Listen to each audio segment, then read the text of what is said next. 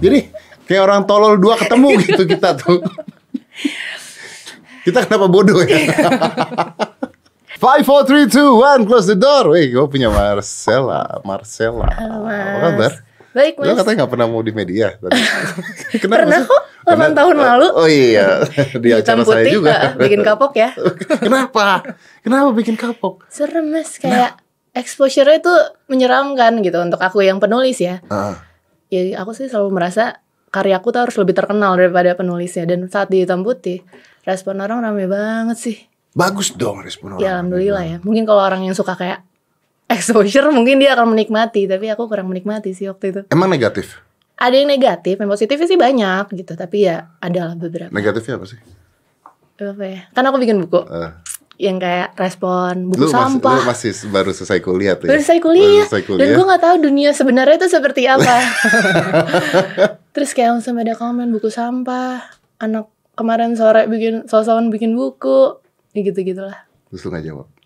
Enggak sih, Tapi lu sakit hati ya? enggak sih kayak oh gini tuh dunia gitu. Ih, masa baru tahu sih? Iya. Ya, waktu kuliah kan nggak tahu mas. Ya, untuk Iya. kuliah nggak tahu kan memang kuliah tidak ngajarin anda untuk dibully sama Iya, betul sih. masyarakat. Dosen paling. Iya, dosen juga paling ngebulinya seperti apa gitu kan. Iya, Tapi kalau kalau kenyataan hidupan sehari-hari kan memang begitu. Nggak Iya, apa-apa dibully. Buktinya buku lu laku sekali. Iya benar. Aku udah biasa aja sih sekarang. Ini makanya datang ke sini. Oh iya, berarti sekarang habis ini bisa ke media-media dong, bisa diundang TV-TV dong, enggak? Nggak usah. Biarin karyaku aja yang muncul, akunya ya di. Jadi kayak aku bisa punya dua dunia gitu loh mas. Iya, iya. Tapi kalau mau undang sini. Iya bisa tadi aku tuh pelajarin. Jadi tuh awalnya aku kan ditanya, Eh. Cel ada undangan nih Eh. dari acaranya Deddy Kobuzier. Aku bilang enggak enggak. Kenapa? Jahat lu ya. Enggak bukan gimana. Aku kayak, aduh dia kan nanyanya kayak suka menyudutkan gitu. gitu. Enggak apa nanya Awal menyudutkan. awalnya kan Oh, soalnya iya. kan kalau di Instagram suka ada potongan-potongannya mas. Oh, iya. Kan dari satu jam. Ya makanya kan aku nggak nonton semuanya kayak potongan-potongan. Terus aku kayak coba deh gue tonton dulu Nah. gitu. Terus pas aku tonton kayak oh nih orang nih ngerti psikologi nih. Oh. Kayak memang suka mempertanyakan hal-hal yang akan membuat tamunya tidak nyaman Terus dengan alasan biar si tamunya tuh kayak merasa terganggu dan membela dirinya dan ngejawab sejujur-jujurnya. Gitu bukan sih? gila. Gue dijudge loh. Lu Nggak belum apa-apa sudah dijudge. Ya sorry, aku kan mempelajari kayak Jadi ini, oh gini kayak ini orang maksudnya bukan jahat dia tuh pingin orang itu jujur dan ngomong gitu bukan sih dan akhirnya keceplosan jujur iya gitu ya. akhirnya orang kayak marah karena dia merasa hal tersensitifnya ditekan dan disinggung oleh Mas Dedi terus akhirnya dia terpaksa menjawab gitu aku gak akan terpancing Ini maaf Dedi yang mana ya? yang suka diam-diam Mas itu lu belum dapat DM dong? Hmm, belum sih Atau lu belum ngecek? aku diam duluan kali ya Oh iya pasti lu DM dulu Kok gue gak di DM sih Dia lu gak Tersinggung nganggap saya Iya, gitu bener. dong Harusnya dong. Tapi gue gua beneran nih Gue tuh bacain loh buku lu Gue I love your books Beneran? Iya Of course Di generasi 90-an gue baca Terus yang kemarin itu Nanti kita NCK NKT NKRI Mas NKRI NKCTHI Gue susah banget ngomongnya NK CTHI NKCT nanti, kita, cerita, tentang, hari ini. Gue tuh harus ngomong dulu nanti kita cerita tentang hari Iya, ini betul. terus gue potong-potong nanti berarti N NKCT Gak apa-apa. Nanti kita- Jangan persulit hidup mas nggak NKC apa-apa beneran. NKCTHI. Ah, Oke. Ya terima kasih ya mas. Dibikin film kan? Iya. Aku bangga beneran loh. Kenapa? Aku kira aku nggak kelihatan di radarnya mas Dedi. Oh nggak kelihatan nggak mungkin diundang. Iya benar makanya. Malah Thanks ya, guys. nanti kita cerita tentang hari itu tuh promo di hitam putih loh pada saat itu. Oh iya. Iya. Kok nggak diajak sih? Kan lu gak mau muncul mana-mana Gak mau muncul mana-mana Tapi bagus beneran Gue tuh Beneran, ngebaca eh, Tahun 90-an Tapi kayaknya kurang isinya sih Ada Hmm. beberapa yang belum Iya. masuk Ada buku keduanya. Gak terlalu laku tapi. Berapa eksemplar? Gak laku tuh berapa? Nanti dihitung. Enggak Gak laku tuh berapa? Eh lima belas ribu gitu ya. 15 ribu nih ya Ya, lumayan. Orang-orang mikir 15 ribu tuh kesian kan Sebenarnya 15 ribu buat buku tuh bagus loh Iya benar. Itu yang orang-orang Aku tahu. bandingin sama buku CPNS soalnya. Jangan bandingin sama CPNS dong Kalau anda bandingin sama CPNS Anda harus bandingin sama Alkitab, Al-Quran Iya, benar. untuk teman-temannya Ya jangan. Karena itu buku yang paling laku, orang Iya, pasti betul. beli. Tapi itu bestseller. 15 ribu udah bestseller Enggak, loh. enggak. Waktu itu momennya buku aku itu rilis bareng sama buku-buku ini mewarnai itu loh dulu kan lagi tren semua buku tuh buku mewarnai yang buku buat healing Anak-anak. gitu buat stres yang ada gambar burung gambar bunga nanti orang mewarnai itu Tau gak sih pada masanya Mewarnai untuk 2015. menghilangkan stres. Iya jadi dulu semua buku di toko buku tuh waktu itu itu 2015 Tau gak sih? Bantuin dong guys Mewarnai untuk Jadi bukunya tuh memang buku people believe in that. Iya Mewarnai untuk jadi buku bestseller tuh stres. semuanya tuh itu Ya mungkin untuk kayak terapi, menenangkan diri Gimana caranya menenangkan diri dengan mewarnai? Mungkin kalau aku kan bisa berkesenian ya Hah. Jadi mungkin kalau dia dengan gitu nggak tahu kan mas kan psikologi Enggak, gue gak pernah belajar ada orang mewarnai bisa menghilangkan stres. Kalau orang mewarnai bisa menghilangkan stres, maka anak-anak TK itu semuanya nggak ada yang stres karena mereka Oh, belajar gitu ya? mewarnai dong. tapi anak saya nggak stres kan Mas? Siapa bilang anak TK nggak stres orang malam-malam suka tantrum semua? nah kok? ini nih ini cara-cara untuk menyudutkan tamu Tuh supaya, kan? supaya Lu dia menjawab Lu belum apa-apa udah ngejudge Enggak, aku aku lagi nonton, aku nonton aku perhatiin polanya, oh polanya kayak gini nih di saat udah mulai gue gak suka deh sama lu. terus bikin supaya intens, Eh? diserang orang Eh, sampai eh. orang tersudutkan sampai dia jawab apa yang Mas Dedi Oh, iya, iya. tahu jawabannya sebenarnya itu. Oh gitu ya? Gitu gak sih? Ya kita rubah rubah omongan aja deh kalau gitu nggak usah ngomongin warna dan stres apa tidak. Ya. Tapi saya tidak setuju kalau mau warna itu bisa membuat orang tidak stres. Nggak setuju saya. Oh. Yuk kita langsung telepon aja untuk penulis-penulis buku mewarnai ini. Oh silakan kalau mereka mau jual bukunya sih nggak apa-apa. Saya pribadi tidak setuju mewarnai untuk membuat orang tidak stres. Kalau gitu tukang cat bangunan nggak stres dong. Oh iya benar juga sih. Mm. Enggak, gue gak setuju. Tapi nggak apa-apa kalau mau jual silahkan. Mewarnai. Kalau anda perlu nggak usah mewarnai. Anda beli kalung magnet. Ini power balance. Power balance yang membuat hidup Hmm. anda lebih sehat. Wah, ya kan? Pernah pakai nggak Mas? Kepala lu sehat pakai magnet. It's a placebo I think, you know what? Uh, it- uh, makanya banyak orang nanya, itu works, itu works, bisa nggak berhasil dan sebagainya. Ya berhasil karena lu merasa placebo, dapetin placebo, Hmm. sama kayak orang ke dokter lagi sakit disuntik tapi suntiknya cuma placebo, nggak ada isinya, tapi orang merasa sembuh. Dan put-. Sugesti. Oh, Ya sugesti. Dan lu taruh gelang di sana dan and wah gue merasa lebih sehat, merasa lebih apa. Jadi sugesti itu bisnis yang berjalan ya Mas? Wah, sangat berjalan. Oh. Malah bisa membuat wanita-wanita buka baju ada yang Oh, iya. begitu. Bukan saya. Iya benar. Untung aku nggak kepancing. Bukan. Enggak tuh beneran gue tuh baca buku lu tahun 90-an. Tapi lu kan waktu itu memang masih kecil. Kecil, kan? iya. Berarti lu harus tahu tentang generasi 90-an dong. Atau lu nanya sama bokap lu atau nanya sama siapa? Riset, riset dan memang aku lahir kan tahun 90 Nah, dan dari lima tahun tuh rasanya udah inget gitu. lu lahir tahun 90. Iya deket ya jarak kita mas. Jarak deket banget loh. Beneran loh, gila nggak ngerasa kayak kakak adik gue. Iya mak- makanya aku tadi mau panggil nama tapi kayak Nggak apa-apa nggak beda nama. tiga tahun masa panggil nama. Panggil nama aja nggak apa-apa. Ya. Kalau cantik mah boleh. Kalau gitu gue harus bikin buku tahun 70-an ya. Iya benar. Tapi udah nggak terlalu relevan mas. Iya boleh. Maksudnya nggak ada yang larang kayak buku Lu ya dari tadi lu ngomong kalau gue tuh jahat kalau nanya, tapi lu tuh lebih jahat dari gue. Terus terus Mas Dedi jadi Mas Dedi jadi di DM Mas Dedi. Enggak beneran gue mau bikin buku tahun 70-an. Ah, aku nggak kira-kira. Serius nih. Buku Kalau tahun menurut 70-an. riset Apaan sih menurut riset? Kenapa harus di riset dulu orang mau bikin buku tahun 70-an? Kenapa udah pada mati tuh orang-orang? Ya mungkin hiburannya bukan itu mas Mungkin bisa bikin kayak acara nostalgia karaokean bersama gitu Masya Allah nih orang.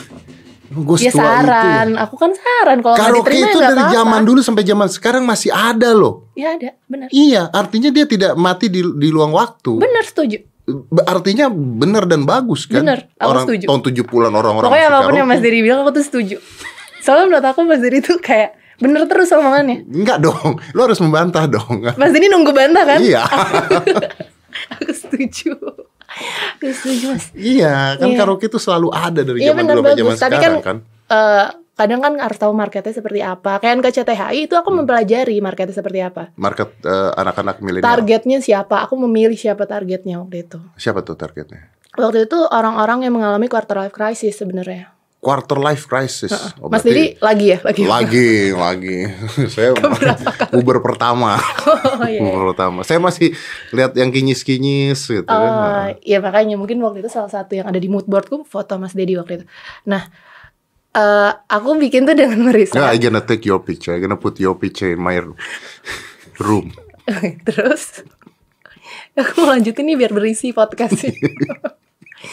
ya terus eh tadi nanya apa ya Mas? Nggak nanya ya? Gue mau nanya tapi lu ngejawab sendiri. Oh, oke. Jadi eh, ini Jadi- ini eh, survei, survei. Oh, Bukan oke. survei apa namanya tadi? Aku selalu meriset, Oh, iya, misalnya riset, generasi riset. 90-an Ah. gitu. Itu karena tugas akhir kuliah gitu. Tahu, tahu. Oh, tahu. Mas? Tahu tugas akhir kuliah itu tahu. Aku bangga banget. Jelas tahu lah. Maksudnya aku tuh kayak titik dari 7 miliar manusia di bumi terus Mas Dedi tahu karya aku tuh tahu. Saya tuh ya, memperhatikan Anda diam-diam. Ya terima kasih. Terus Saya stalking. Ya terima kasih Mas. Mas Dedi, Dedi mana? Terus eh Bentar dong aku nggak fokus Mas. Eh, Oke, riset. Riset. Jadi aku tuh meriset semua karyaku. Misalkan generasi 90-an. Ah. Aku tuh datang ke kantor-kantor, aku cek memori apa yang paling mereka ingat. Misalkan usia, waktu itu aku nanya ke 30-an ke atas. Kalau pertama aku tanya, siapa karakter eh, kartun, tokoh kartun favorit kalian? Kalau jawabannya udah Voltus, menurut aku dia besar di era 80-an. Gue masih lagu tahu loh lagunya Voltus. Oh, berarti Mas uh, serius kan? Gen Z sih. Gue Coba... tahu. Beneran lagu Coba Voltus. Mas gimana? Tatoi arasi akeru koro, tatoi onami animu woro, yogi maso ikai itu be, na na na na na na na na na na na Bener gak? Bener gak? Kan? Bener kan? Bener kan? Voltus kan itu kan? Tuh, gila. Kelihatan banget generasi 2000-an ya. Voltus, tentukan. Iya kan? Iya kan? Pedangnya itu goblok film tuh. itu film goblok banget loh. Lu tau Voltus itu di sini ada V. Terus dia kalau mau ngeluarin pedang, entah gimana, ini begini dia pegang, terus dia bilang Voltus, tentukan, terus pedangnya keluar, shat gitu ke atas ya. Yang bodohnya gue sampai sekarang baru berpikir, dia harusnya ketika ngeluarin pedang, dia harusnya begini. Eh, ketusuk dagu. Kalau nggak cerek mati sendiri kan tuh film kan. Gimana? Dan itu ada Voltus eh, seri Zero. Eh, Jadi udah, udah sampai berapa seri terus dia ngeluarin seri nolnya. dia Awal mungkin gak kayak Voltus mentalis. Dia sebenarnya lagi memberikan atraksi.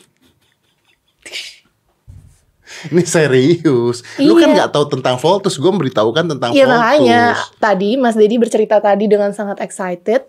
Itu mungkin kayak generasi 2000-an deh kayaknya Mas Dedi tadi. Iya jelas. Soalnya kayak tahu banget detail-detailnya. jelas, jelas. Nah, itu balik lagi ya. Itu cara aku meriset. Oh. Aku akan nanya seperti itu. Orang akan kepancingnya dengan Gua tema tanya. apa? tanya gue, tanya gue. Siapa boy eh, musik favorit Mas Dedi? Musik tuh Indonesia apa luar negeri? Indonesia deh. Waduh. Jawaban gue nih, lu pasti jahat masalahnya. Dori Marantika. Nggak apa-apa. Ya maksudnya jangan dibuat-buat. Saya kan bisa jawab yang baru-baru ya sebenarnya. yang kayak waktu waktu Mas Dedi masa remaja. Gomblo. Oh. Iya bagus dong.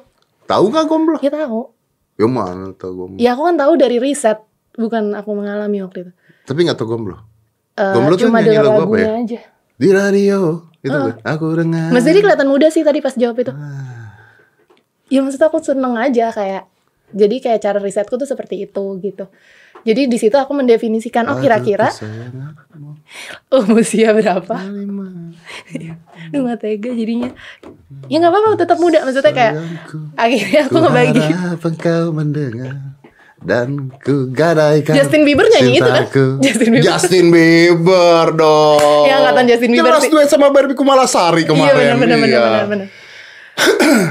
gomblo Ya itu cara risetku. Salah satunya aku ngecek oh ternyata usia misalkan eh, 20 sampai 30 itu tuh dia sukanya musiknya seperti apa. 30 sampai 40 musiknya seperti apa. 40 sampai 50 seperti apa. Nah, dari situ aku mengelompokkan siapa sih sebenarnya generasi 90-an gitu.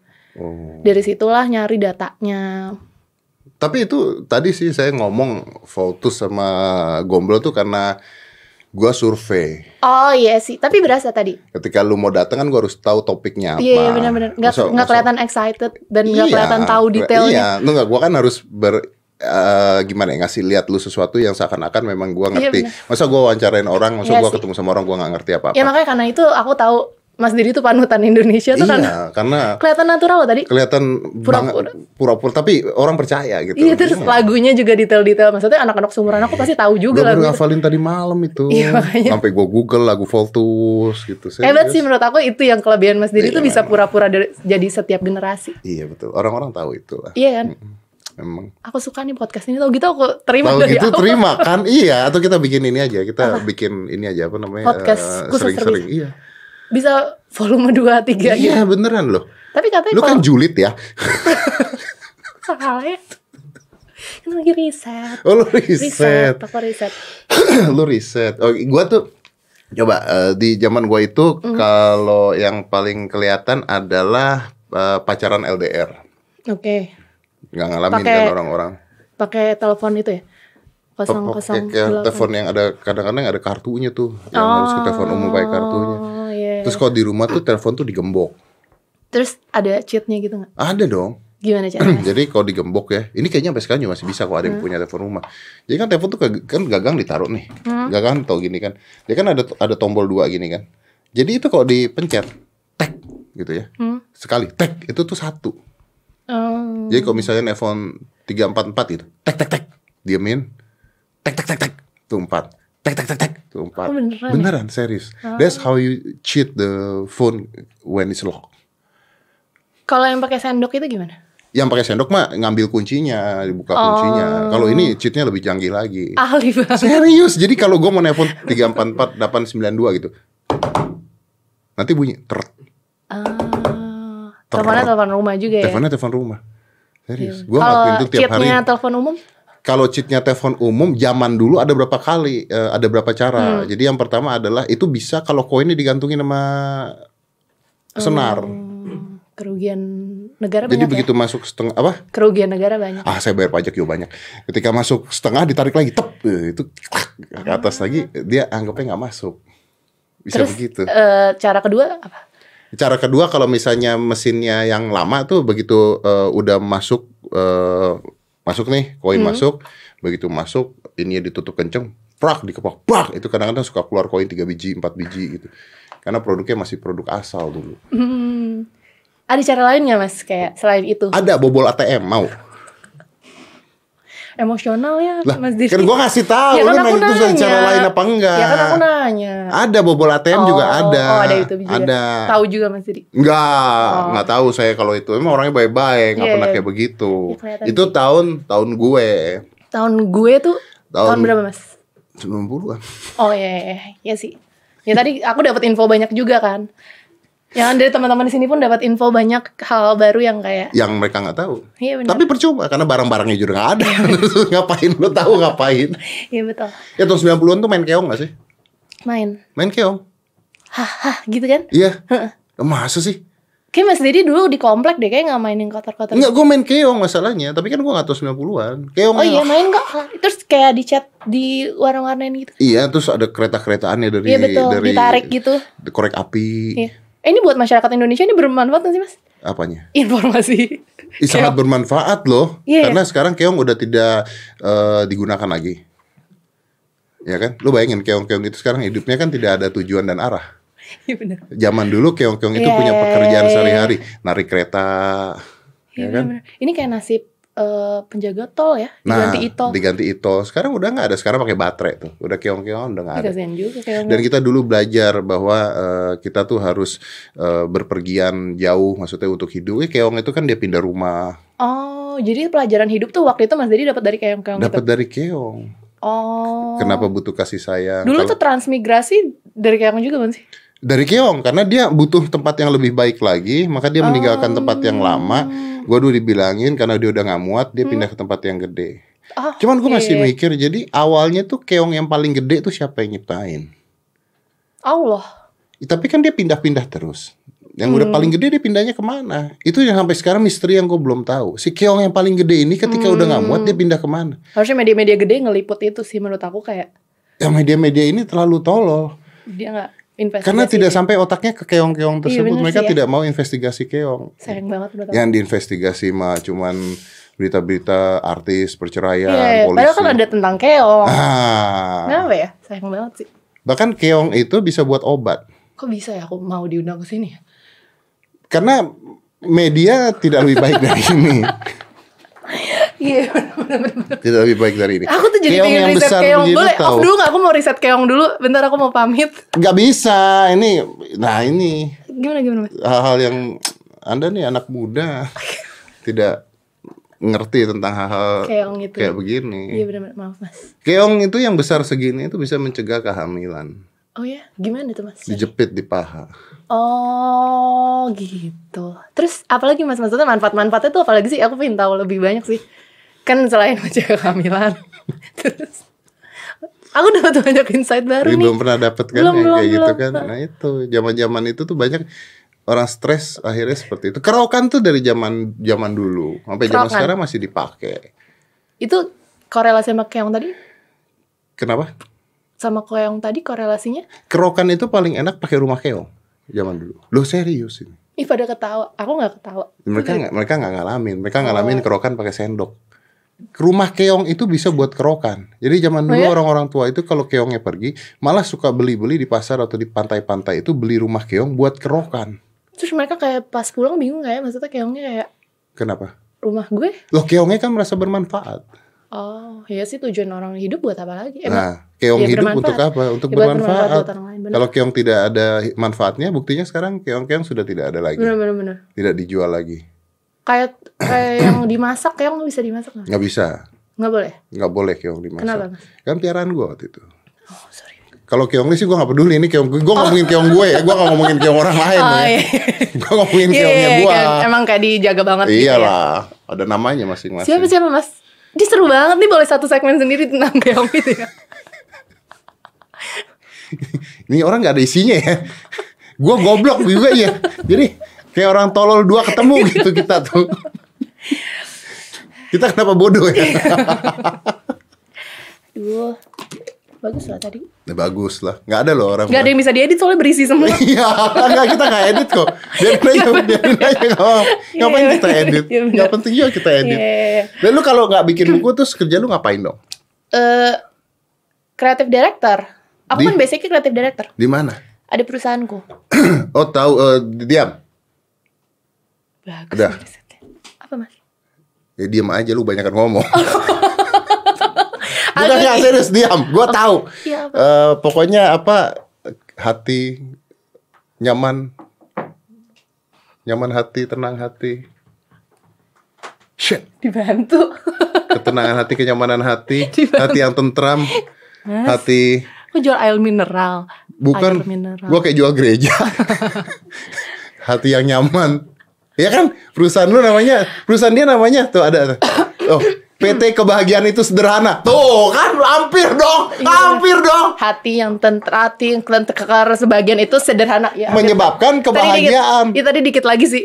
Iya. Iya, bener. Menyebabkan apa? Hati-hati yang tenang tentram Tenang itu untuk apa? kebahagiaan. Kebahagiaan itu sederhana. Sederhana. Iya, benar. Bener. Ih, hebat banget sih mas. Iyalah, gila gua. Gue bisa tahu-tahu gitu. Pinter loh. Ya, terus pertanyaannya mas? Gua ngomong bagai sederhana, gua lapar loh. Ya gitu. Kebahagiaan itu nasi padang. Sederhana. Sederhana. Iya kan. Lu, lu kreatif director. Aku kreatif director. Ngapain? Basicnya kan aku graphic designer. Lu graphic designer. Aku tuh dari 2008 graphic designer. Dari 2008 graphic designer, terus ternyata yang jadi graphic designer tuh makin banyak dan makin jago-jago. Terus aku fotografi juga dulu, terus makin jago, orang-orang makin jago, aku berpindah haluan ke kreatif. Bukan makin jago kali karena hal-hal tersebut sekarang mulai bisa dikerjakan oleh semua orang Ya kan. betul, dan bisa dipelajari di banyak tempat Pakai gitu. handphone, pakai Iya. apa gitu. Dan aku rasa dan sampai di titik aku waktu itu kena ini. Liverku tuh kondisinya tidak baik, kolesterol dan lain-lain. Itu karena begadang terus Udah kan. pemabuk berarti. Enggak sih. Itu katanya orang kalau minum banyak liver. Kok Mas judgmental? Saya emang ngajak mental, cuma nuduh barusan. Iya. Kebetulan enggak. Tapi kayak aku mikir kalau jadi desainer tidur pagi terus, berarti umur gue bisa pendek dong gitu. Tapi kan karya-karyanya bagus, nggak apa-apa. umur pendek tapi karya bagus. Oh, Iya. tapi kan katanya kalau orangnya udah almarhum karyanya naik ya harganya. Betul. Iya, Bruce Lee meninggal sampai sekarang masih Elvis Presley. Iya, tapi Jackson. seniman banyak kan karyanya terkenal setelah dia meninggal. ya? Betul. Bahaya juga ya. Saya nggak usah terkenal aja Iya, mendingan. aku Kita masih dunia Iya, ya. Kita masih dunia. Gini-gini aja deh, Mas. seniman, Nggak banget. ya gini gini. ya, kita masih mau hidup panjang karena kita masih mau menikmati Iya seni-seni betul. orang lain Iya. gitu. Ya enak banget maksudnya kayak keluargaku gitu yang nikmatin aku yang kerja capek-capek nggak sempat nikmatin kan kalau Iya dong kalau iya kita cepet-cepet mati Iya. kan iya. akhirnya maka aku beralih profesi Jadi Kreatif director. Kreatif director sebenarnya kan konsep dan eksekusinya kan ada Enggak, timnya. maksudnya perusahaan lu tuh kerjain apa? Oke. Kita satu-satu nih. Iya, iya. Maksudnya tenang aja dulu Mas. Maksudnya gak apa-apa nanti aku jawab. Oh ini ya, ini mau dijawab kan? ini mau ini mau dijawab nggak? Iya bener mau. Perusahaan lo. Perusahaan. Oke, satu. Kan berjalan tuh setelah kita ketemu itu Mas yang hitam putih generasi 90-an. Oh, berarti gara-gara gue tuh ya. Tadi ya kan pasti lah. ngomong. Pasti semua orang tuh akan saling berpengaruh menurut aku. Oh iya iya, wis. Gue pengaruh dalam hidup dia loh. Gila. berarti lo tiap malam inget-inget gue gitu dong. Iya, aku kadang suka kayak Mas Didi ngapain ya gitu. Sama lo gue juga gitu. Iya, padahal gak kenal. Gak kena padahal. Cuman gue mikirin diri gue sendiri, gue tuh ngapain. Begitu. Gitu kok sedih sih. Terus Oke. Ya abis itu aku kan dari pas generasi 90-an itu sebenarnya awalnya buku. buku. Buku itu berlanjut menjadi event. Menjadi event, menjadi konten, community dan lain-lain. Dan aku pelajarin ini bentuk bentuk kreatif apa ya gitu. Kayaknya ini bukan ngomongin sekedar konten jadi buku gitu. Dan aku pelajarin ternyata kalau di luar itu ada Marvel, ada Disney, Betul. ada Hayao Miyazaki, Ah, yang bikin Ghibli. betul. Aku bilang kok mereka bisa memaintain satu karyanya dan dikembangkan ke medium-medium lainnya. Betul. Dan aku pikir gimana ya itu bentuk bisnisnya dan bentuk strategi kreatifnya dan dari situ aku belajar. Tapi kan itu ada tokonya kalau Marvel, Disney sebagainya. Kan setelah berapa tahun mas? Setelah 90 tahun. Iya. Ya maksudnya proses mereka panjang untuk sampai ke situ. Doraemon sampai sekarang 90 tahun gitu dan dan aku rasa kayaknya nggak salah kalau untuk gue mulai karena kalau misalkan ngomongin satu project buku gitu. I hate Doraemon. Anyway. Salah apa deh mas? Sama mas? No. Maksudnya pernah ngapain mas gitu? Eh, karena memberikan ilusi yang tidak masuk akal gitu. Anyway, my brothers, kakak gue itu ngefans banget sama Doraemon. Terus? My brother kakak gue. Eh, dan dia ngumpulin semua hal tentang Doraemon. Like everything about Doraemon. Sampai mobilnya itu Doraemon. Like seriously. Mobilnya Terus Doraemon. kenapa jadi mas yang benci? Karena pertama eh, dia cowok. Tapi mobilnya diwarnai semua Doraemon sampai jok-joknya Doraemon, ada pajangan Doraemon. Setirnya gimana, Mas? Doraemon tuh Doraemon yang yang tahu kan yang biru begitu Iya, kan iya. Doraemon semuanya tuh Seru Doraemon. dong pas datang kayak lagi di wahana gitu gak sih? Iya, cuman kan gue membayangkan apa yang dia pikirkan apakah setiap kali membuka pintu ke mana saja gitu kan. Iya bener Bener sih Tapi kan hebatnya orang tuh bisa sefanatik itu Mas. Nah, that's why, that's why. And I don't understand why orang bisa fanatik itu ke tokoh Doraemon gitu loh. Apa yang Anda dapatkan dari tokoh Doraemon? Banyak tau mas Apa? Dia tuh mengajarkan memberikan harapan Dia memberikan harapan dengan imajinasi-imajinasi dia gitu Si Bolang juga ngasih harapan, gak usah Doraemon. Iya bener Tapi kan Unyil juga kalau ngasih harapan. kalau- Mas- Kenapa nggak ada orang bikin mobil isinya Coba, Unyil? Mas lebih bingung gak kalau misalnya stiker kakak mas Bolang Coba mendingan mana? Mas suruh pilih deh Stikernya Doraemon apa Bolang mobilnya Bolang agak sulit bikin stiker. Nah sih. itu poinnya Iya. Tapi kan bisa uh, Superman, Iron Man. Ya suka-suka kakak mas dong Kok jadi aku ngebelain kakak mas Lu ada apa sih sama kakak gue sebenarnya? Jadi bilang kakak gue. Ya gitu sih Ya jadi ya udahlah balik ke tadi lagi sorry. Jadi nah kan batuk kan. Wih, aku ini tenggorokanku nggak rapi aja aku ngerapain tenggorokan bukannya kenapa-napa Anyway itu zaman sekarang kita masih harus salaman sama orang gak ya? nggak usah. Kalau gitu sih jadinya. Tadi gak apa-apa. Oh iya benar. Tapi gak serius itu pertanyaan loh. Kita tuh sekarang tuh harus salaman sama orang gak? Karena soalnya eh, salah satu pencegahan corona adalah Menjauhi kontak kan katanya iya. kan? namaste. Iya kan? Jadi ke mana-mana kita Namaste gitu. Tergantung kepercayaan gitu nggak sih mas? Maksudnya kalau kayak oh cuek gitu salaman aja. Nanti katanya ketular. Oh, berarti mas ada keraguan nggak apa-apa gini aja? Eh, gue mah gak Gue mah gak ragu kalau kayak ada perubahan nih aku rasa tadi tuh kayak dalam berapa menit tuh mas Dedi ada berapa perubahan? Perubahan apa? tadi kan mas Dedi Gue bilang mah peduli Peduli sama lu. Ci. Karena bakal-bakal juga gue nularin lu. Enggak. Deh. Oke balik lagi yuk mas Yuk Tadi tadi tadi. Jadi lu bikin Oh iya perusahaan. ya udah akhirnya Kebahagiaan sejati itu. Kebahagiaan sejati. kebahagiaan itu sederhana Kebahagiaan itu Jadi sederhana. 2000 ya dari dua itu semenjak generasi 90-an itu. Jadi aku mikir ya konsep apa sih yang sebenarnya bisa bikin kayak satu ide, ide besar bisa dikembangkan dan umurnya bisa panjang. Oke. Dan ternyata IP konsepsi intellectual property itulah yang aku pelajarin. Ya udah, akhirnya aku berjalan sama perusahaanku. Terus si generasi 90-an itu aku kembangkan menjadi karakter. Aku Ada bikin kar- karakternya? ada karakternya. Oh iya? Jadi karakter itu marketnya buat anak yang lebih muda. Jadi untuk SMP, SD. Kan generasi 90-an, kenapa karakternya nggak? Nah kalau ini kan kalau nyebutin 20 tahun gitu, 30 tahun mungkin kita bisa nyebutnya nostalgia. Ah, Kalau 50-100 tahun ini akan jadi sejarah. Nah itu menurut aku kenapa perlunya untuk dikenalkan ke anak-anak yang usianya lebih muda. Nah karakter itu adalah pendekatan yang lebih mudah sebenarnya.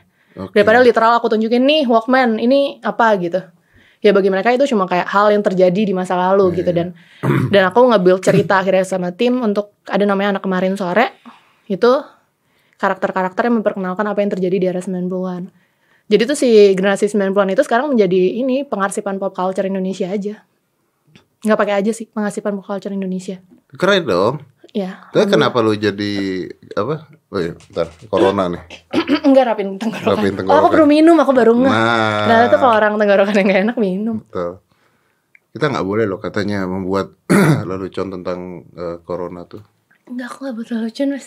Jadi, Lu bulan apa-apa udah bikin corona jadi Sumpah aku gak buat lelucon. Aku kan terus aku batuk, terus Mas Dedi curiga kan. Jadi aku ngasih tahu. Iya sih. Iya kan? Tuh kan gue jadi batuk. Batuk tuh menular. Oke. Sama seperti nguap-nguap tuh ya menular, batuk menular. Jadi lu jadi apa tadi namanya? Ya udah akhirnya si perusahaan Kenapa lu itu- gak jadi direktur? Kan lu punya perusahaan sendiri. Iya, aku owner di perusahaan itu. Tadinya tadinya aku ngelit perusahaan itu selama 2 tahun. Terus ternyata people management itu adalah itu stressful sekali. Memang. Dan aku akhirnya karena ini mas aku aku merasa kreatif dan bisnis itu harus berjalan bersamaan. Nah, Tapi, Tapi saat sulit, berjalan kan? berjalan itu Nggak susah bisa, kan? banget. Itu sulit sekali apalagi dan ngurusin orang kan. ngurusin orang, ngurusin duit. Makanya di zaman itu lebih enak ngurusin keong. Nah, ya bener sih. Aku baru tahu intinya dari kehidupanku tuh apa. Tadi Iya. baru tahu tadi. Iya. Coba lu ngurusin keong. Nggak Nggak usah pusing. itu. Nggak usah pusing. Ngurusin orang, Nah. attitude orang, Nah, ngurusin manajemen, sistem. Bener. Capek. Iya bener. Bisnis keong kali ya sih? Bisnis keong tuh gede loh. Escargot. Oh iya bener. Escargot tuh keong bukan? Bukan. Escargot tuh Bekicot. keong. Keong kan? Hah? Bekicot. Bekicot sama keong apa bedanya? Dia beda rumah sih. Apa bedanya bekicot? Hah? bentuknya Ada lendir. Semua juga ada lendir. bentuknya Bentuknya gimana? bekicot kan lebih kecil lebih pipih kalau keong kan yang gede yang blubub blubub kayak rumah keong mas nah tuh tuh kan keong kalau bekicot kan lebih kecil Ya orang ada yang lebih gede lebih kecil nggak lu bilang satu orang satu Iya bener, monyet? aku aku juga setuju. Maksudnya kok bisa kayak gitu ya mas? Iya, tuh betul bekicot Kenapa keong. gitu? kok udah punya teman baru Yo, iya.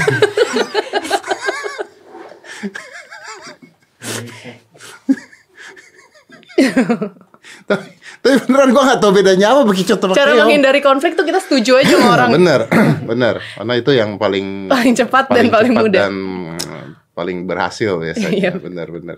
Itu jadi film. Oh iya Wih. berjalan. Ya itulah salah satu IP licensing itu mas yang. Berarti lu tuh dapat duitnya itu tapi cita-cita terbesar lu jadi film.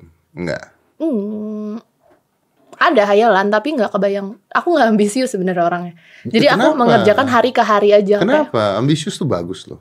Ambisius itu adalah kata-kata orang-orang yang tidak pernah berusaha. Ngatain orang-orang yang berusaha. Ih, Anda ambisius. Nah aku berusaha tapi tidak punya target spesifik yang kayak suatu hari aku akan menjadi gitu. Jelas-jelas Anda tadi mengatakan bahwa saya ngelihat Marvel, ngelihat ini, ngelihat DC dan saya Oh iya benar, itu. pingin tapi lebih ke Artinya hayalan. kan lu wah, itu tadi Anda tidak pernah berhayal tapi harus itu hayalan. Berarti kan Anda Eh boleh diulang gitu gak sih tadi obrolannya? aku lupa. Kalau bisa lu kalah aku kali. aku penghayal, aku penghayal, tapi aku bukan yang kayak kan ada orang strategik gitu mas, Ah. kayak dalam dua tahun gue akan ini, dalam tiga tahun, lima tahun, 10 tahun gue akan seperti ini. Ah. Nah aku bukan yang strategik seperti itu, aku lebih kayak menghayal, ih kayak bisa kayak gitu, ih bisa kayak gitu gitu, kayak memang senaif itu dulu gitu. Dan dan tapi ngerjalanin aja persisten untuk ngerjalanin itu. Ya udah generasi 90-an diturunin bikin event, aku bikin konser, Ah, namanya festival mesin waktu kalau mas tahu. Itu nggak tahu. Nggak apa-apa. Yang penting mas tahu generasi 90-an terus Tahu sekarang. dan keong. Terus turunannya aku bikin event itu aku bikin berapa turunan event. Ada event buat keluarga event buat eh, orang yang memang hidup di era 90-an terus ada event kecil-kecil yang beredar terus aku bikin merchandise bikin produk-produk lainnya nah sebenarnya awalnya itu sebelum aku kepikiran si IP management aku cuma kepikiran gimana caranya survive kan kayak sulit untuk orang bisa hidup dari karyanya Iya, Nggak betul, banyak. Betul. Makanya banyak penulis buku miskin. ya betul kecil mas royaltinya pajaknya gede Banget kecilnya.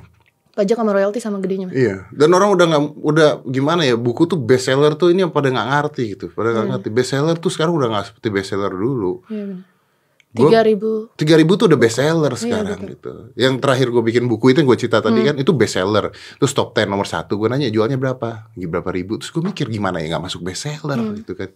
Jadi kesian Emang sebenarnya. menyedihkan sih. Bikinnya lama, susah. Makanya teman-teman pada beli buku dong ke toko buku jangan beli yang bajakan. Gue tadi mau ngomong makanya teman-teman jangan nulis buku.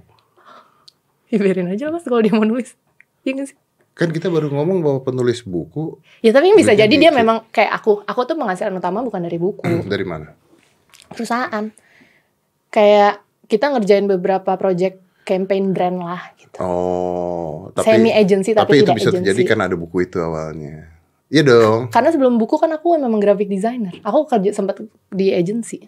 Oh. Aku sempat di dulu. gitu. Sempat eh, sebentar di agency terus tahu lah oh polanya seperti ini Berarti industri. lu tuh sekarang punya perusahaan dan direktur perusahaannya juga, bukan direktur. Enggak, aku udah keluar dari ininya. aku jadi kreatif direkturnya aja. Jadi kreatif direkturnya dan itu perusahaan lu sendiri. Mm.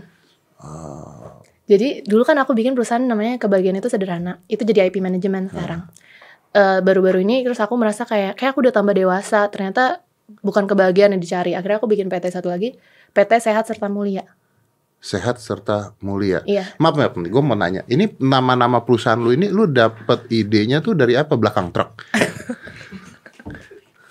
Ya bisa sih. Banyaknya kayak gitu-gitu ya. Maju mundur kena. Iya kan? Kebahagiaan itu sederhana. Aku gak kepikiran loh. Itu bisa belakang kepikiran truk sih? loh. Iya bener. Belakang truk. Mentok-mentok ketunggu jandamu kan begitu kan? Iya bener. Enggak sih. Enggak dari situ mas. Dari mana ya? Dari Gak mungkin, mungkin secara subconscious tuh ketika nyetir lu ngeliat truk gitu kan. Wah. Aku di truk gak pernah lihat tulisan itu. tulisan kayak abang jarang pulang. Tapi kok aneh kalau aku bikin PT abang jarang abang pulang. jarang pulang, makanya kepulangan abang itu membuat kebahagiaan. Ah, ya bisa, bisa. bisa. Artinya bahagia itu sih. sederhana. Hanya dengan abang pulang bahagia. Muncullah ide keluar kebahagiaan itu sederhana. Setuju, aku setuju banget. Dari sana. Bener. Selama ini nggak kepikiran Iya, kan? iya, iya, iya. Iya. Tuh, gue membuka Iya, bener. membuka sudut pandang yang selama ini terbungkam di otaknya Marcella Selama 8 tahun. selama 8 tahun. Bener. Kasih banyak loh acara ini. Bagus kan? Bagus banget Mungkin acaranya. dengan abis ini lu bisa bikin perusahaan lagi apa, misalnya. apa mas? Ada ide nggak? Rumah keong sejati. Rumah keong sejati. Karena rumah keong biasanya tidak pernah sejati. Pindah, rumah keong pindah, biasanya pindah. pindah-pindah. Iya, benar. Artinya dia tidak mapan. Ini tuh beda. dia. Maksudnya kita mau ngasih tau. Iya. Ini tuh beda loh dari keong-keong biasanya. Benar, kita tuh uh, Iya. stable loh. gitu. Ah, iya betul. Kita tuh nggak minta Setuju, banyak, setuju kita aku. tuh bahagia loh gitu.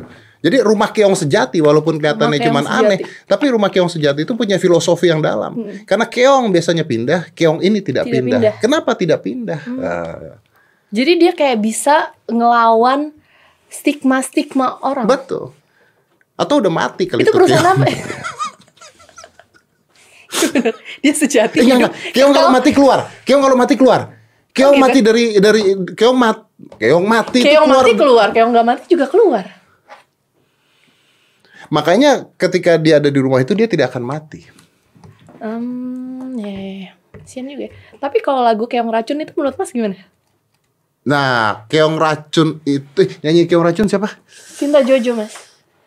Cinta Jojo. Sinta Jojo. Karena Sinta Jojo ketika nyanyi keong racun dia kebanyakan keluar dari rumah.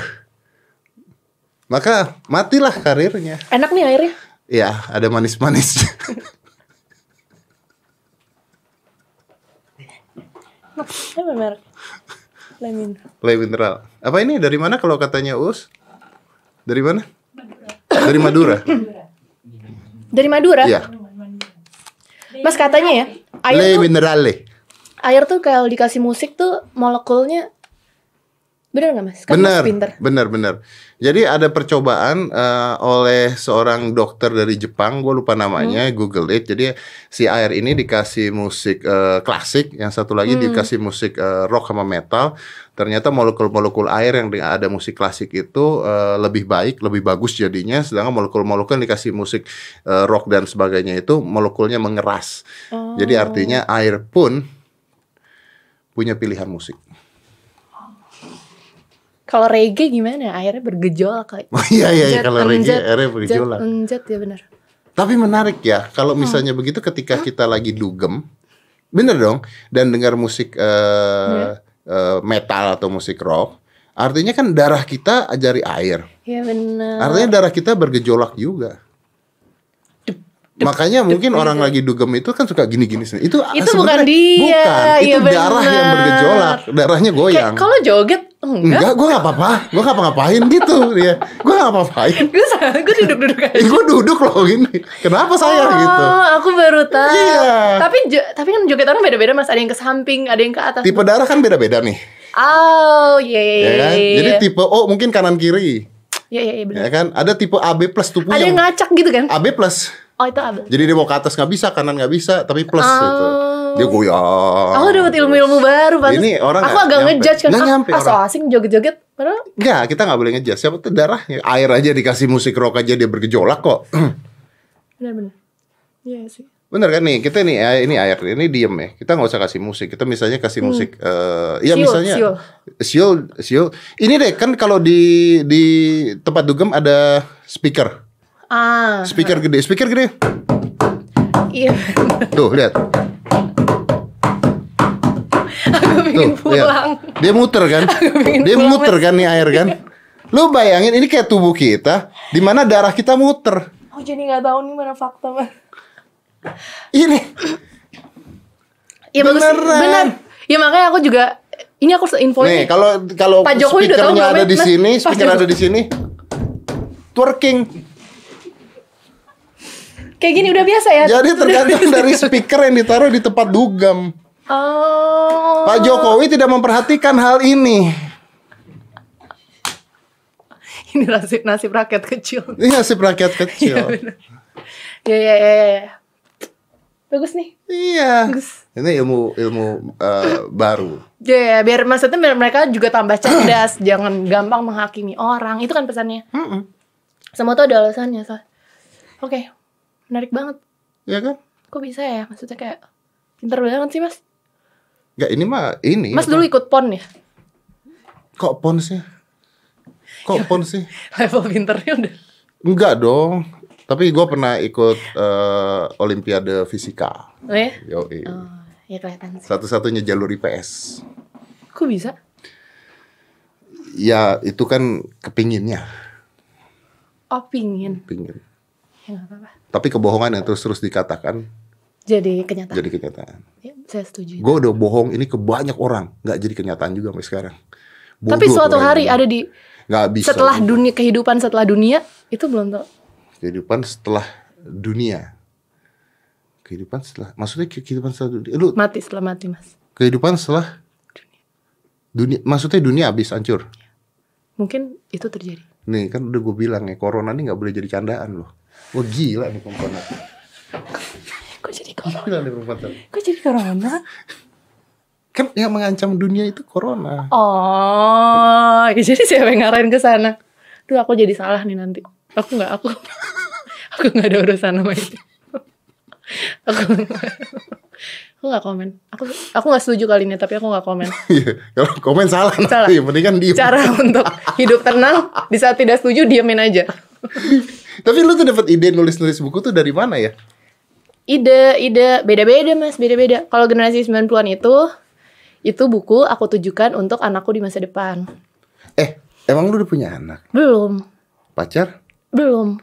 Tunggu, emang perempuan seperti Anda yang punya Iya. Maksud mas perempuan seperti apa? Ya, itu statement klasik. Oke balik lagi. Nah pas Enggak, buku- enggak, enggak, enggak, saya lagi lari ke sana.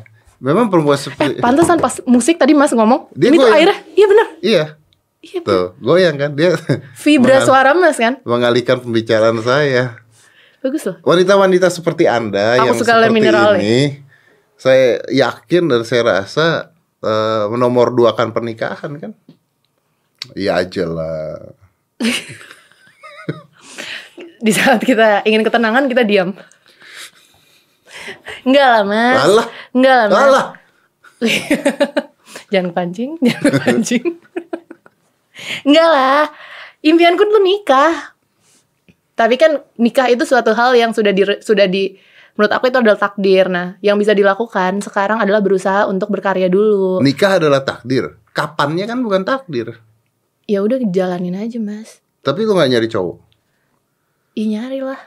Eh, Murahan banget sih lu nyari cowok. ya maksudnya gini ya, yuk pelan-pelan yuk. Yuk kita ulang lagi pertanyaan sebelumnya apa sih? Nikah. ya, mundur dulu ke belakangnya. lu gak Kok dikit panjang banget sih acaranya katanya cuma sejam. Hah? Cutnya mana cut-cut gitu? Kok gak ada sih? Kalian diam-diam aja.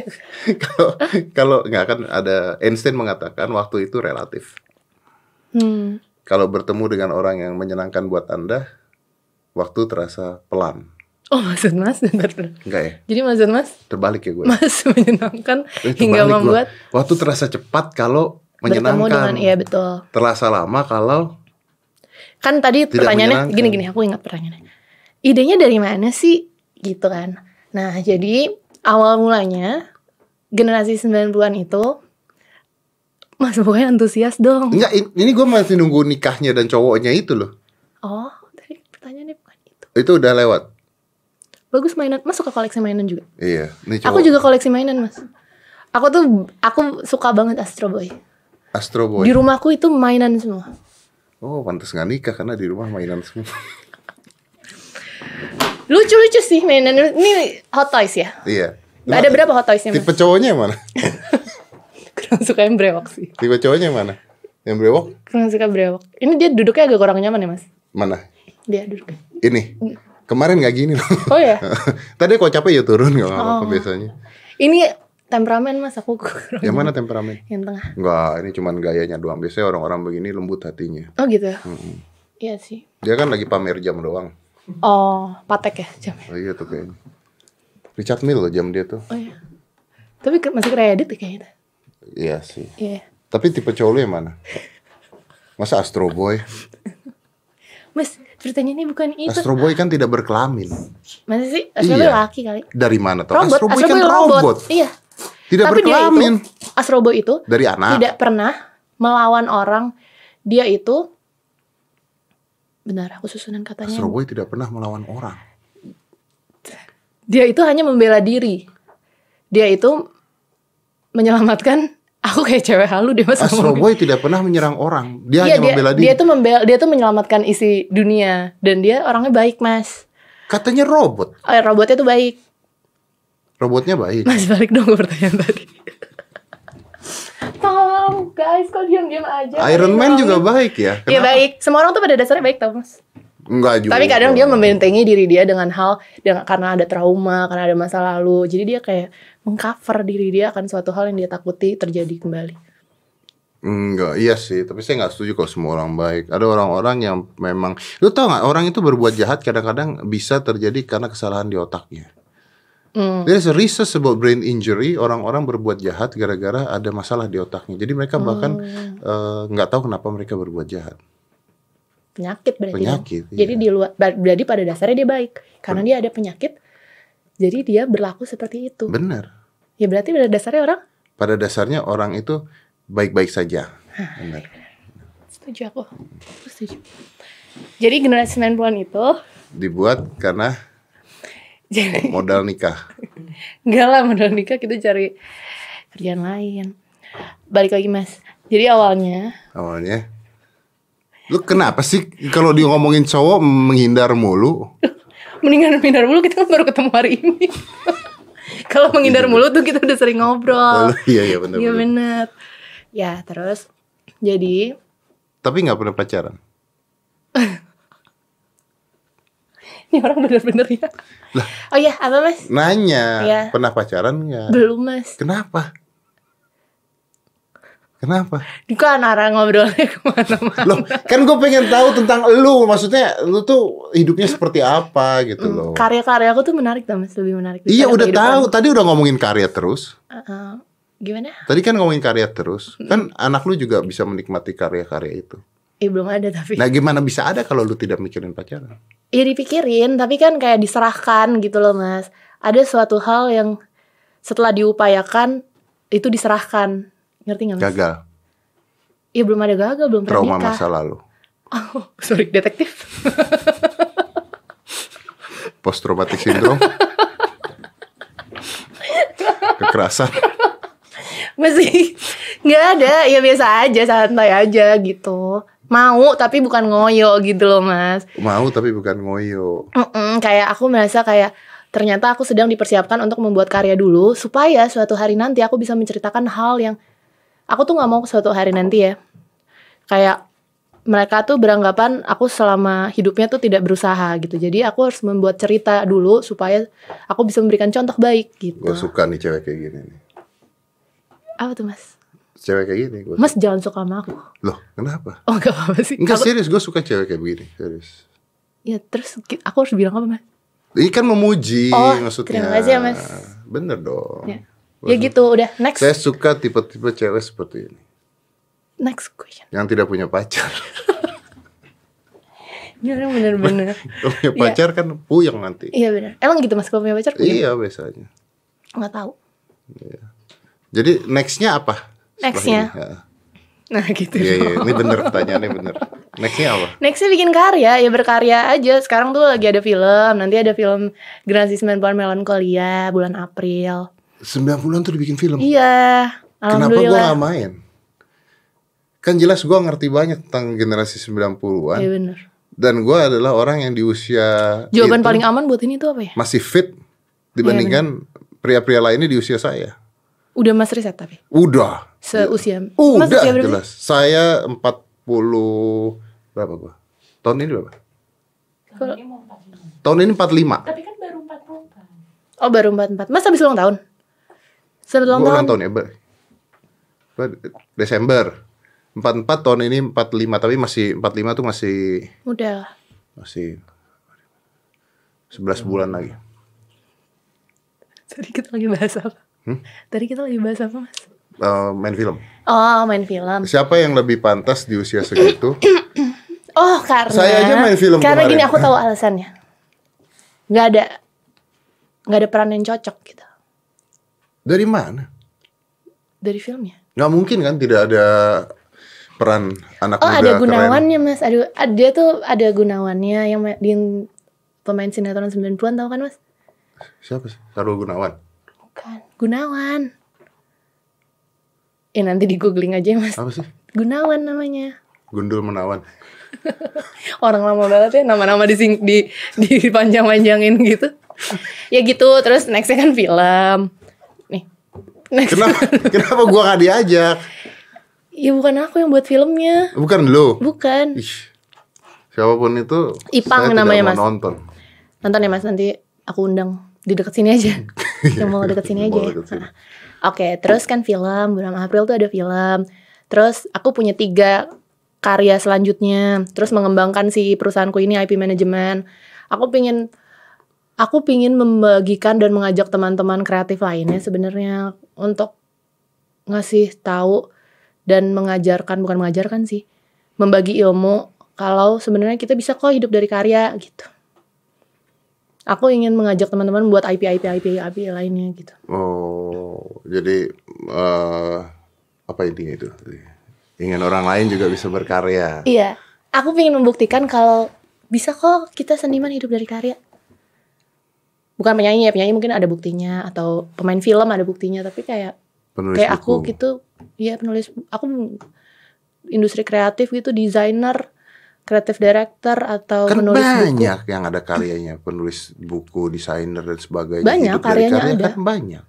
Banyak. Ah, Aku pengen lebih banyak lagi. pingin jadi itu sebuah lapangan pekerjaan. Pingin Anda tanggung jawab nanti kalau nggak jadi. Kok gue yang jawab kan gara-gara Anda. Ada orang yang tadinya tidak mau bikin buku, dia masih kecil. Oh iya bisa aja sih. Terus dia Tapi sebenarnya aku kan nggak nggak bikin buku. Aku tuh pada akhirnya setelah belajar dari generasi 90-an, aku membuat konsep. NKCTI itu kan idea, Iya, iya, I get it. Jadi maksudnya eh, bukan hanya buku bukan ya. hanya buku. Buku itu salah satu medium aja. konsep basicnya ya. ya. Ya, Tapi bisa. itu intinya. Jadi dia tidak menyerah ketika buat buku karena gue pernah baca juga katanya lu bikin buku awalnya ditolak, ditolak, Iya betul. ya kan? Ditolak semua penerbit. Terus kayak akhirnya mungkin satu ada yang hilaf kali ya mas ya. Iya. Atau nggak enak. Aku nggak tahu biasanya antara. Ya, hilaf biasanya. Hilaf ya. Orang-orang Iya. sukses tuh biasanya karena hilaf. Karena hilaf ya. betul. Ya udah akhirnya. Tapi that's the same thing with Stephen Kings. Hmm? Stephen King itu dia setiap kali uh, bikin buku, terus dia tawarin ke publisher dan ditolak, itu dia uh, ngambil notes, dibilang rejected, terus udah gitu dipantek ke tembok, pak. gitu. Oh. Jadi setiap kali bukunya ditolak, dia mantek uh, tulisan rejected ke tembok, sampai temboknya hancur. Jadi bayangkan berapa kali dia ditolaknya, sampai akhirnya berhasil, gitu. Itu satu hal yang inspiratif banget. Yang nggak berhasil temboknya hancur ya banyak tapi Iya benar. Mungkin semennya kali ya. karena jelek aja bukunya. Oh. Jangan nyalain semen, emang lu jelek aja bikinnya. Gitu. Aku kira kualitas semen atau bata. kalau bikinnya bagus mah bagus. Hmm. Jadi, aku tapi nggak pernah berniat bikin buku bagus ya. Nggak pernah berniat bikin buku laku. tapi kan laku. Ya makanya aku tuh kayak akhirnya memisahkan. Aku menjadi dua dua tipe man- dua tipe orang gitu. Di saat aku sedang menjadi senimannya, selesai aku menjadi senimannya setelah menulis semua karyanya itu dua tahun aku nulis. Setelah itu aku bertugas menjadi pebisnisnya. Aku mikirin marketingnya, strategi seperti Ya, ya, apa. ya, ya, itu yang bener begitu. Banyak orang nggak bisa nggak ngerti itu. Banyak orang nggak ngerti. Contohnya di showbiz, namanya show business. Hmm. Ya kan, if you don't have a show, you don't have a business gitu kan. Banyak orang yang bisa punya talenta begini, tapi mereka nggak tahu cara menjalankan ini sebagai bisnis. Iya. Atau belum bertemu orang yang tepat untuk Iya. tandeman bisnis ya. Nah, tapi Iya. kan mereka juga mikirnya kalau gue punya karya yang bagus, wah pasti jalan. Gak bisa juga. Lu punya karya yang bagus, Iya. tapi you don't know how to promote it, you don't know how to sell it to public, public don't know, it's become Iya, harus nothing. strategi ya benar. Harus punya strategi itu. Pinter loh nih cewek ya, Masa sih? pinter loh. Lumayan ya. Nggak sia-sia mas. Terus nggak kawin-kawin. Astagfirullahaladzim. Hal yang positif itu, Iya benar. positif. Tapi aku mempercayai orang tuh kayak memang dikasih satu diambil satu mas. Tuh kan ngaku kan akhirnya. Kok ngaku? Bukan kayak Mas Dedi nih kan kayak karir bagus, MC, Oke lah, host, terus kaya. kayak mah ya mutlak terus. Tadi aku lihat di depan ada Tesla, kayak dong. Terus udah nggak interview aku lagi statement aja. Terus ya nggak semuanya sem ideal gitu kayak ada satu yang kurang. Gitu. Apa itu yang kurang? Ya belum menikah kan? Kan udah nikah saya mah. Oh ya udah maksudnya kayak Udah punya anak saya mah.